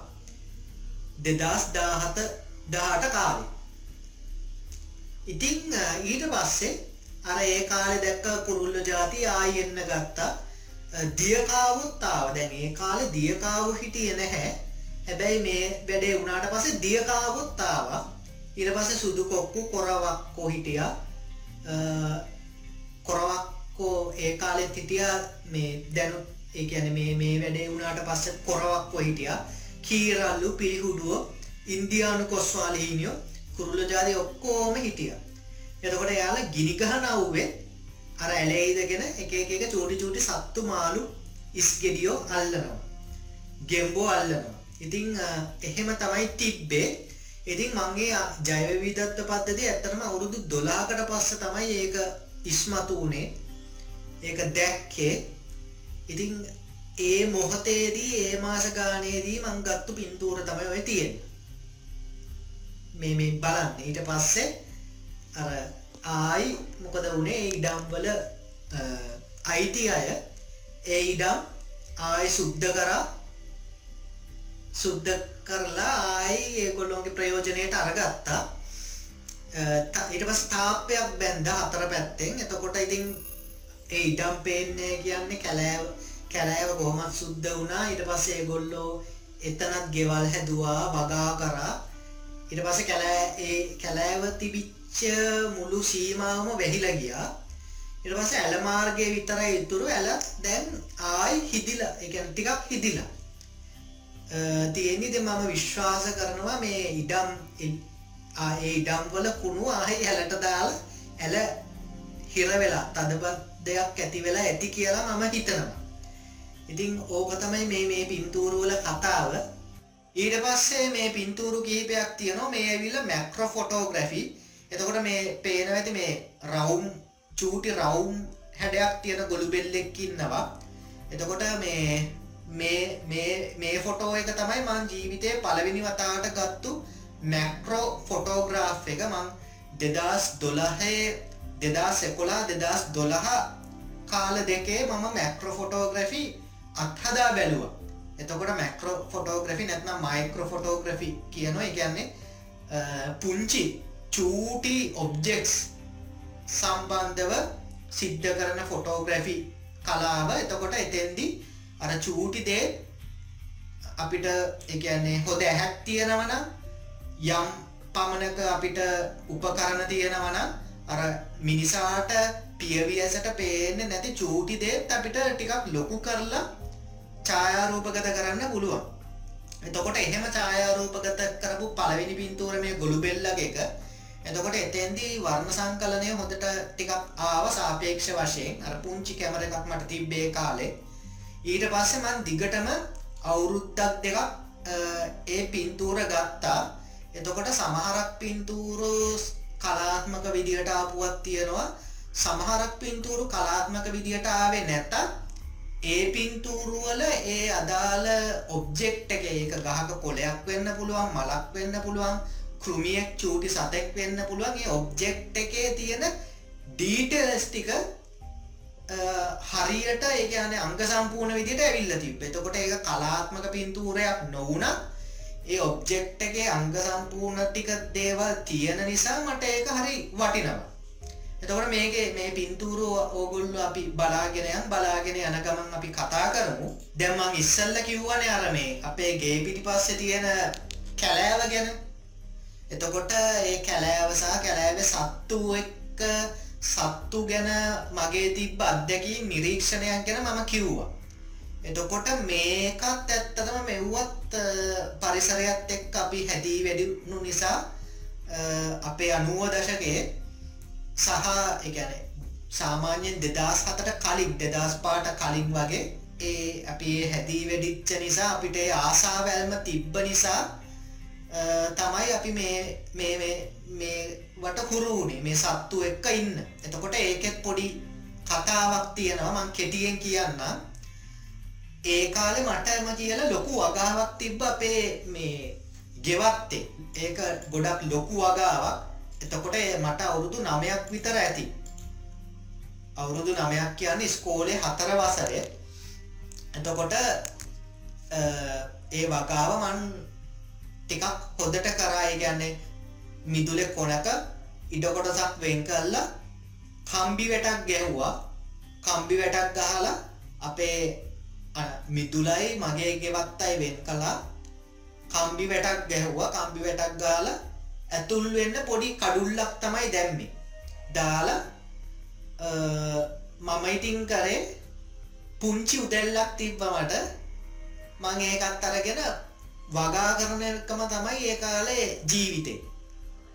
එතකොට තක්කාලි මිරිස් වට්ටක්කා කරපිංචා නිවිති මං්යොක්කා වම්පටු ගොටුකොල ඉගුරු ගොඩක් එලවලු පළතුරු වගා කරා.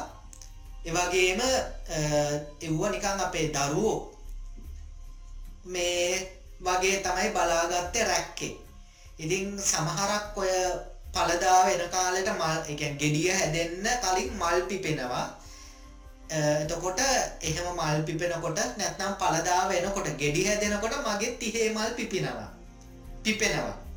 ඊට අමතරව විසිතුරු මල් පැළගත්තොත් මං ගොඩක් ඔය කූඩලු මල් වගාවට ගොඩක් ඇලුම් කරා. මොකද කූඩලු කියන්නේ ලේසියෙන් අපිට මේ ව්‍යාප්ත කරන්න පුළුවන් ලේසියෙන් හිටවන්න පුළුවන් ලේසියෙන් නඩත්තු කරන්න පුළුවන් මල් වර්ගයක් ඒ වගේම හරි විචිත්‍රවත්. මොකද රතු පාට, තැබිලි පාට, දම් පාට එක එක මේ පාටවල් තිබ්බා.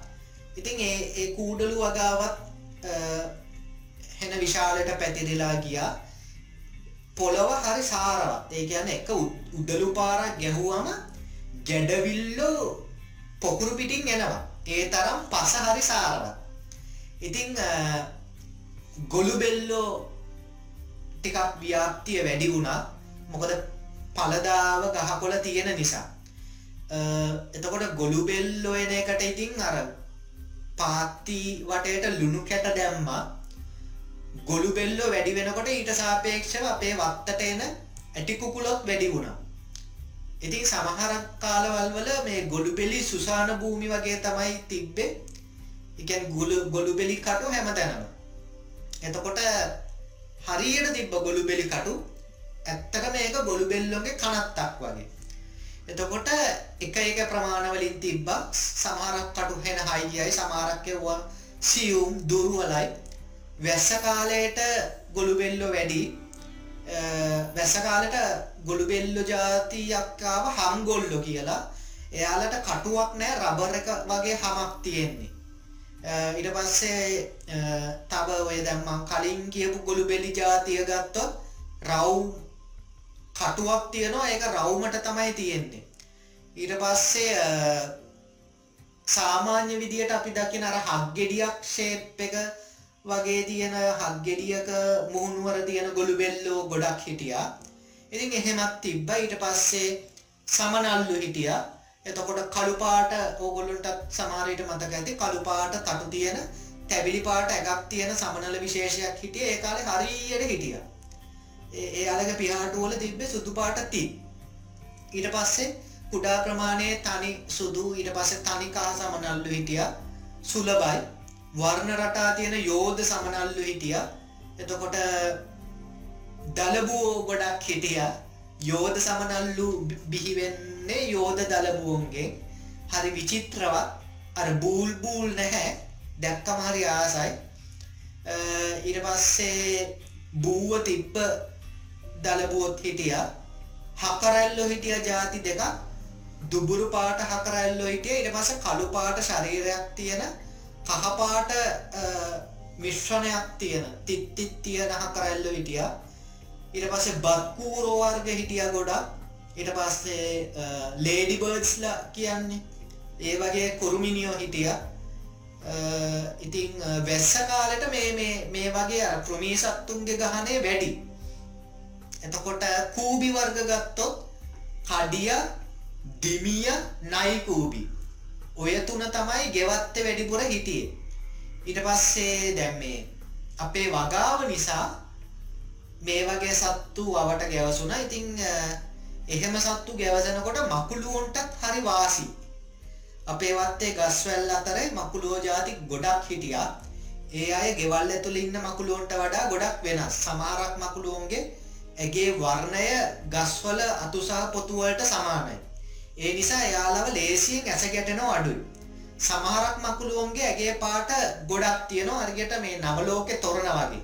නැත්නම් තීන්ත බාල්දියක් පෙරලිලා වගේ එක එක පාට තව හිටිය සුදු පාට මකුළුව ජාතියක් මේ කකුළුවන්ගේ හැඩේ තියෙන එයාලගේ පිටිපස්ස හරි විශේෂයි පිටිපස්සේ නිකම් මිනිහෙක්ගේ මූණක් වගේ තමයි පිටිපස්ස හැදිලා තියෙන්නේ. එතකොට මේ මකුළුව ගෙවල් වල ඉන්න අයට වගේ මේ මකුළුවන්ට මකුළු දැල් නැහැ. ගොඩක් වෙලාවල් වලදී එයාලා හිටියේ ගස්වල පොතු අස්සේ ඊට පස්සේ මල්වල පොහොට්ටු අස්සේ තමයි හිටියේ. ඉතින් පරිසරයත් එක්ක ඉන්නකොට මම මේවා හරි පුද්ගලිකව මේවා අත්දැක්ක රස වින්දා. දැන් මේ සත්තු ඇත්තටම දැන් අද වෙනකොට නෑ කියන්න බෑ ඇත්තටම. ඒ අද වෙනකොට නෑ කියන්නේ අපි එළියට බහින්නේ නැති නිසා. හැබැයි මේ සත්තු නිරන්තරයෙන්ම අපිත් එක්ක අපේ ගෙවතුවල ඉන්නවා. අපි බොහොම අවධානයේ විශේෂ අධ්‍යයනයක් කරොත් අපිට අනිවාර්යෙන් මේ සත්තු පේනවා යාලා නිතරම සුලභව ඉන්නවා. අපිට අර දුලබයි වගේ පේන්නේ අපි අපේ කාර්ය බහුල ජීවිතයත් එක්ක පරිසරයෙන් ටිකක් ඈත් වෙලා ඉන්න නිසා. විශේෂයෙන්ම මේ කොළඹ මේ තදාසන්න පරිසරයන් වල නගර සීමාවට නමුත් ගම්බද ප්‍රදේශවලට මෙව මහා ලොකු දේවල් නෙමේ ගම්බද ප්‍රදේශවල ඉන්න අයට. ඊට පස්සේ දැන් මේ සත්තු ගැන මම මේ කියාගෙනාව එතකොට ඒක එහෙමයි. ඊට පස්සේ තව ටිකක් විස්තර කරනවන අපේ මේ ගෙදර තාප්පයයින ලොකු අබගස් දෙකක් තිබ්බා ඒ කාලේ.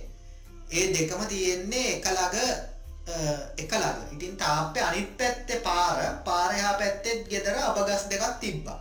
අපේ අබගස් දෙක යතුයි ඒ ඒ ගෙදර පාර එහා පැත්තේ ගෙදර අඹ ගස් දෙක යතුයි උඩ එකට එකතු වෙලා වියනක් වගේ හැදිල තමයි තිබ්බේ. එතකොට මේක ගුවන් පාලමක් විදියට පාවිච්චි කරා මේ ගස් අතර එහා මෙහා යන්න ලේන්නු ඉතිං ඊට අමතරව පාර යන අයට වගේම අපිට හරි හෙවනයි හරි සිසිලසයි.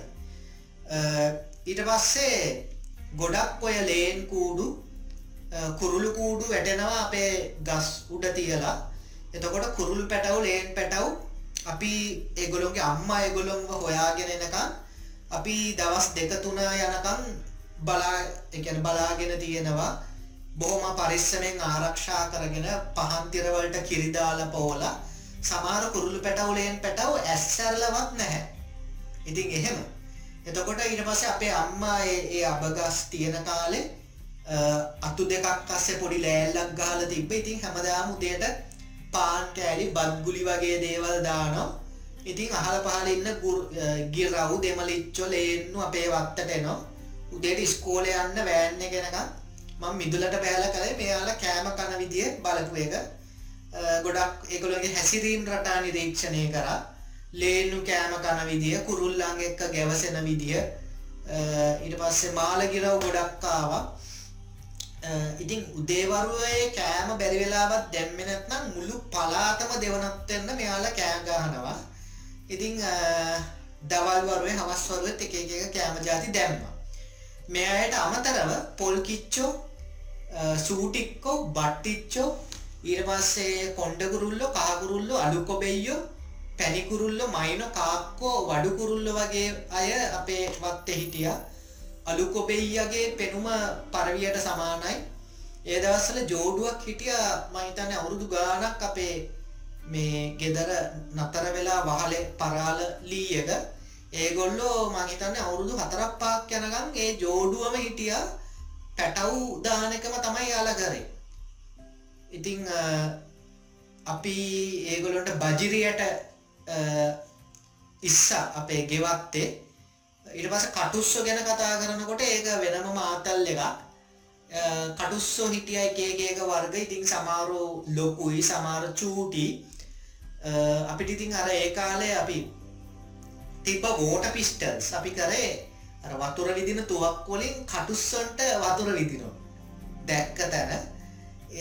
එතකොට කටුස්සෝ සාමාන්‍යයෙන් අර එගොලොගේ ශරීරය පරිසරයේ අවට පරිසරයේ වර්ණවලට මේ අනුවර්තනය වෙන නිසා සාමාන්‍යයෙන් එක පාට දැක්කම සමාර කටුස්සොම පේන්නේ නමුත් හරියට අපි පරිසරය ගැන අවධානයෙන් හිටියොත් පේනවා. එයාලට හරි වේගෙන් දුවන්න පුළුවන්. ඒ නිසා කවදාවත් කටුස්සෙක්ව අල්ලන එක ලේසි නෑ. ඒවගේම එයාලගේ ඇස් ගත්තොත් හරි අමුතු විදිහකට හැදිලා තියෙන හොඳ විෂන් එකකට. එතකොට ඒ ඇහැ මේ කරකවන විදිහ ඇහෙන් එයා බලන විදිහ ඒක හරි අමුතුයි. ඊට පස්සේ තව මතක් කරනවනම් නිදිකුම්බ පැල.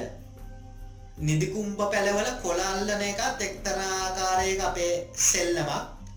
එකන පැලේ අරමේ කොලේ අල්ලලා ඒක මැලවෙන හැටි නැත්නං එක නිදාගන්න හැටි අපි බලාගෙන හිටිය. ඉතින් ඒ වගේ පුදුමාකාර ආදරයක් නිදිකුම්බ පැළවලට තිබ්බා. නිදිකුම්බ මලත් හරි ලස්සනයි. ඉතින් කොච්චර ලස්සන වුණත් මේ එක පරිස්සමෙන් තමයි අපි වග බලාගත්තේ. එහෙම වග බලාගත්තෙත් අපිට එව්ව කවුරුත් මෙව්ව මේ මේ කටු මෙව්ව අල්ලන්න එපා කියලා කියලා දීලා නෙමේ අපේම අත්දැකීම් වලින් තමයි අපි එහෙම හිටියේ. ඉතින් ඕක තමයි මට මතක් වෙන දැන් මම අර කැලේ කැලේ පරිසරය ගැන මම කිව්වා. කැලෑ ප්‍රදේශයේදී විච්චේ ගැන අපේ ගෙදර පිටිපස්ස දැම්ම මේ මම කිව්වේ අපේ ගෙවත්තේ පරිසරය ගෙදර ඉඩම ඇතුළේ පරිසරය තමයි කිව්වේ ඉතින් එහෙම පරිසරයත් එක්ක ඉන්නකොට දැකපු ඒ චූටි චූටි සත්තුන්ගේ ගාපු චූටි මැක්‍ර ෆොටෝග්‍රෆි තමයි මැක්‍ර ෆොටෝග්‍රෆි කියන්න. බෑ ෆොටෝග්‍රෆි කියන කලාවක්නේ. මැක්‍ර ෆොටෝස් තමයි ඔය අපි දැක්කේ. අයිබෝවන් මම හ්‍රෂා නබේවික්‍රම ඉංග්‍රීසි භාෂාව පිළිබඳව ඩිප්ලෝමාධාරයෙක්. ඒ වගේම වසර දහයක වගේ කාලයක් සාර්ථක ලෙස ඉංග්‍රීසි අධ්‍යාපනය ලබාදීමේ හොඳ පලපුරුද්දක් තිබෙනයෙක්. මම තීරණය කරා මටම සුවිශේෂී වූ ක්‍රමවේදයක් තුළින් නිර්මාණය වෙච්ච ඉංග්‍රීසි පාටමාලාවක් ඊලනික්.ල්කේ හරහා ඔබ වෙත ලබා දෙන්නට. ඉංග්‍රීසි භාෂාව පිළිබඳව කතා කරනකොට ලංකාවේ අපේ හිතට එන්නේ ගොඩක් දුරට දුවපුතේ එච්චර හොඳ අදහසක් නෙමෙයි. අපි ගොඩක් දෙනෙක් හිතන්නේ ඉංග්‍රිසි කියන්නේ ඉගෙන ගන්න වගේම කතා කරන්නත් අපහසු අමාරු භාෂාවක් කියලා. නෑ ඒක වැරදිී. මම කියනවා ඉංග්‍රිසි කියන්නේ ඇත්තටම ඉගෙනගන්න වගේම කතා කරන්නත් හරිම පහසු භාෂාවක්. හැබැයි ඔයා හරිම ක්‍රමවේදයට මේ භාෂාව ඉගෙන ගන්න ඕනේ.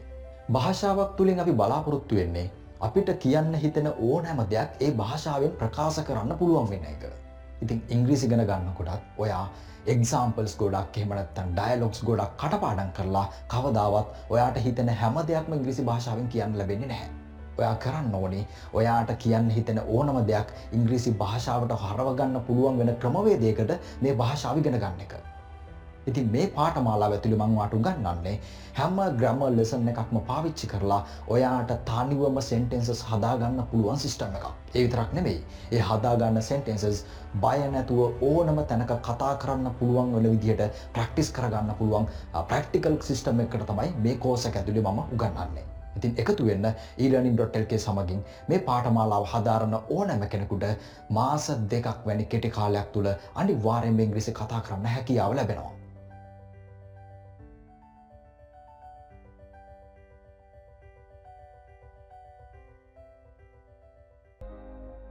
ඉතින් ඒක තමයි බොල්ලස්ගමේ ජෛව විවිධත්ත පද්ධතිය ගැන මගේ අත්දැකීම් සහ මගේ මතකයන්. මේ ප්‍රදේශයේ සිංහල දෙමළ මුස්ලිම්බර්ග ජාතින් හතරම ජීවත්වනවා එවගේම බුද්ධ දර්ශනය ඊට පස්සේ හින්දු දහම කතෝලික ක්‍රිස්තියානිසා ඉස්ලාම්. මේ ආගම් හතරම තියෙනවා. නමුත් බොල්ලස් ගමුව වැඩි සමස්තයක් ගත්තම සැලකෙන්නේ සිංහල ගම්මානයක් විදියට. මොකද සිංහල මිනිස්සු සහ බෞද්ධ මිනිස්සු තමයි වැඩිපුරම මේ ප්‍රදේශයේ අදට ජීවත් වෙන්නේ. බොරලස් ගමුවේ සංස්කෘතිය ගැන කතා කරනකොට එහෙමත් නැත්නම් සංස්කෘතිකාංග ගැන කතා කරනකොට පෙරහැරවල් විශේෂයි. ඒ පෙරහැරවල් අතරිනුත් බෙල්ලංවිල රජමහා විහාරස්ථානයේ පෙරහැර තමයි අති විශේෂිතම පෙරහැර වෙන්නේ. බෙල්ලම්විල රජමාවිහාරස්ථානයේ පෙරහැර ආරම්භ වෙන්න එක්දස් නමසය හතලිස් හත අවුරුද්දේ. ඒකත් හරිම අරුම පුදුම කතාවක්. ඒ කාලේ මේ ප්‍රදේශයේ ගවයන්ට කුරරෝගයක් හැදිල තියෙනවා. ඉතින් මේ කුරරෝගය සීග්‍රයෙන් පැතිරුණා කියලත් ඒ නිසා මේ ප්‍රදේශයේ කෘෂිකාර්මික කටයුතු අඩපන වෙන්න ගත්තාය කියලත් මේ ගැන ගම්වැසියන් බෙල්ලම්විල සෝමරතන නායක හාමුදුරුවන්ට දැන්නුව කියලත් ඒ අවස්ථාවේදී සෝමරතන නායක හාමුදුරුවෝ ගමවටා පෙරහැරක් පවත්වන්න තීරණය කලා කියලත් ඉතිහාසය සඳහන් වෙනවා. ඉතින් මේ පෙරහැර පැවැත්වීමේ අරමුණ වෙලා තියෙන්නේ බුද්ධ ධම්ම සංගරත්නය ආශිර්වාදය බලයෙන් සහ බුද්ධ ශාසනය ආරක්ෂා කරන සියලුම සම්‍යදෘෂ්ටික දෙවිදේවතාවුන්ගේ ආශිර්වාදයෙන් ගමට ඇතිවෙලා තියෙන විපත දුරු කිරීමයි. පෙරහැර පවත්වලා ඉවරවනත් එක්කම ගමේ ගවයින්ට හැදමින් තිබුණු මේ කුරරෝගය නතර වුණා කියලත් ගවයන් සුවපත් වනා කියලත් ඉතිහාස කතාව තියෙනවා. ඊට පස්සේ මේ පෙරහැර එදා සිට අද දක්වාම අකණ්ඩව පවත්වාගෙන එනෝ. අද වෙනකොට ලංකාවේ පවත්වන ප්‍රධාන සහ රමණීය පෙරහැරක් විදියට බෙල්ලම්විල පෙරහැරත් ඇතුළත් වෙනවා. බෙල්ලම්විල රජමහා විහාරස්ථානයේ මේ පෙරහැර වර්තමානය ඇසල පෙරහැරක් විදියට අගෝස්තු මාසයේ පැවැත්තුනත් බෙල්ලම්විල රජමාවිහාරස්ථාන පෙරහැර මුලදි ආරම්භ කරලා තියෙන්නේ දුරුතු පෙරහැරක් විදිහටයි. ඒ කියන්නේ ජනවාරි මාසයේ සිදු කෙරුණු පෙරහැරක් විදිහටයි. එක්දස් නමසය හතලිස් හතවුරුද්ධ එදදාස් නමසය හතලිස් අටවුරුද්දේ එක්දස් නමසය හතලිස් නමය අවුරුද්දේ මේ පෙරහැර ජනවාරිමාසයේ දුරුතු පෙරහැරක් විදියට තිබුණත් එක්දස් නමසය හතලිස් නමය අවුරුද්දෙන් පස්සේ ඒ කියන්නේ එක්දස් නමසය පණහවුරුද්දෙ ඉදලා අද වෙනකං මේ පෙරහැර ඇසල පෙරහැරක් විදියට අගෝස්තු මාසයේදී පවත්වනවා.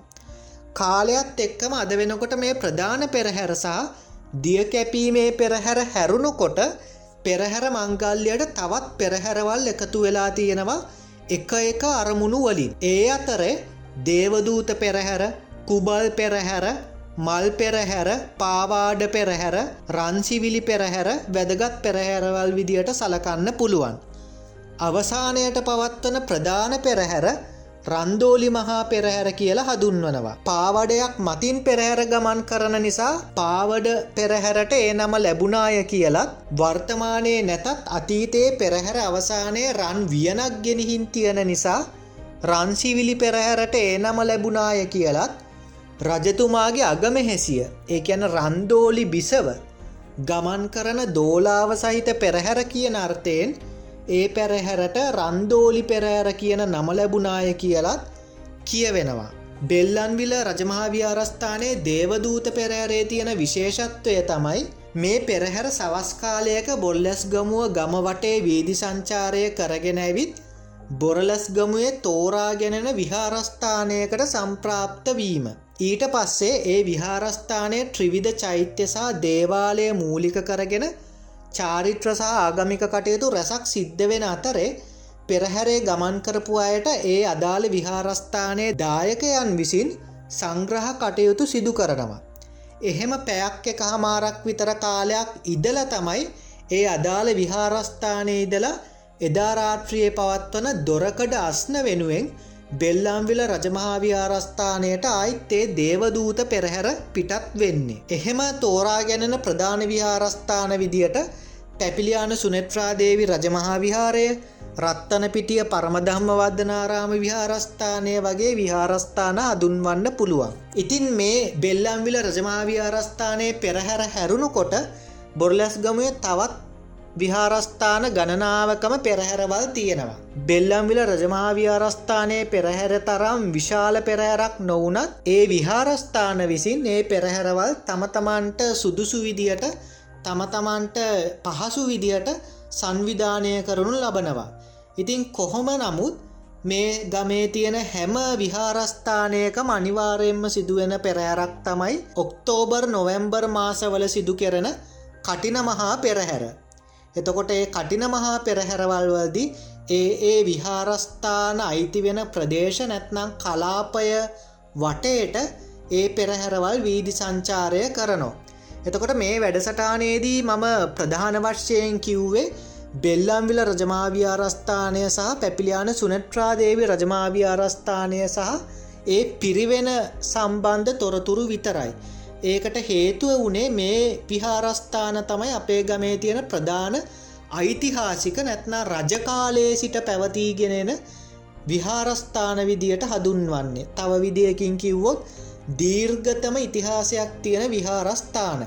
මීට අමතරව අද වෙනකොට ගොඩාක් විහාරස්ථාන බොල්ලැස් ගමුව තියෙනවා ඒ විහාරස්ථාන අතරෙත් අවුරුදු සීයක් සම්පූර්ණ වෙන ඒවගේම අවුරුදු සීයකට වඩා ඉතිහාසයක් තියෙන ඒවගේම අවුරුදු සීය සම්පූර්ණ වෙන්න ඔන්න මෙන්න තියෙන විහාරස්ථානත් විශාල ප්‍රමාණයක් තියනෝ කියලා මතකතියාගන්න ඕන. ඉතින් මේ පෙරහැර සංස්කෘතියට අමතරව අපේ ගමේ නැත්නම් මේ බොරලස් ගමුවේ ඉස්සර සෑහෙන්න ශාන්තිකර්ම පැවැත්වුණා ඒ කියන්නේ ගම්මඩු මල්මඩු තොවිල් පවිල් වගේ දේවල්.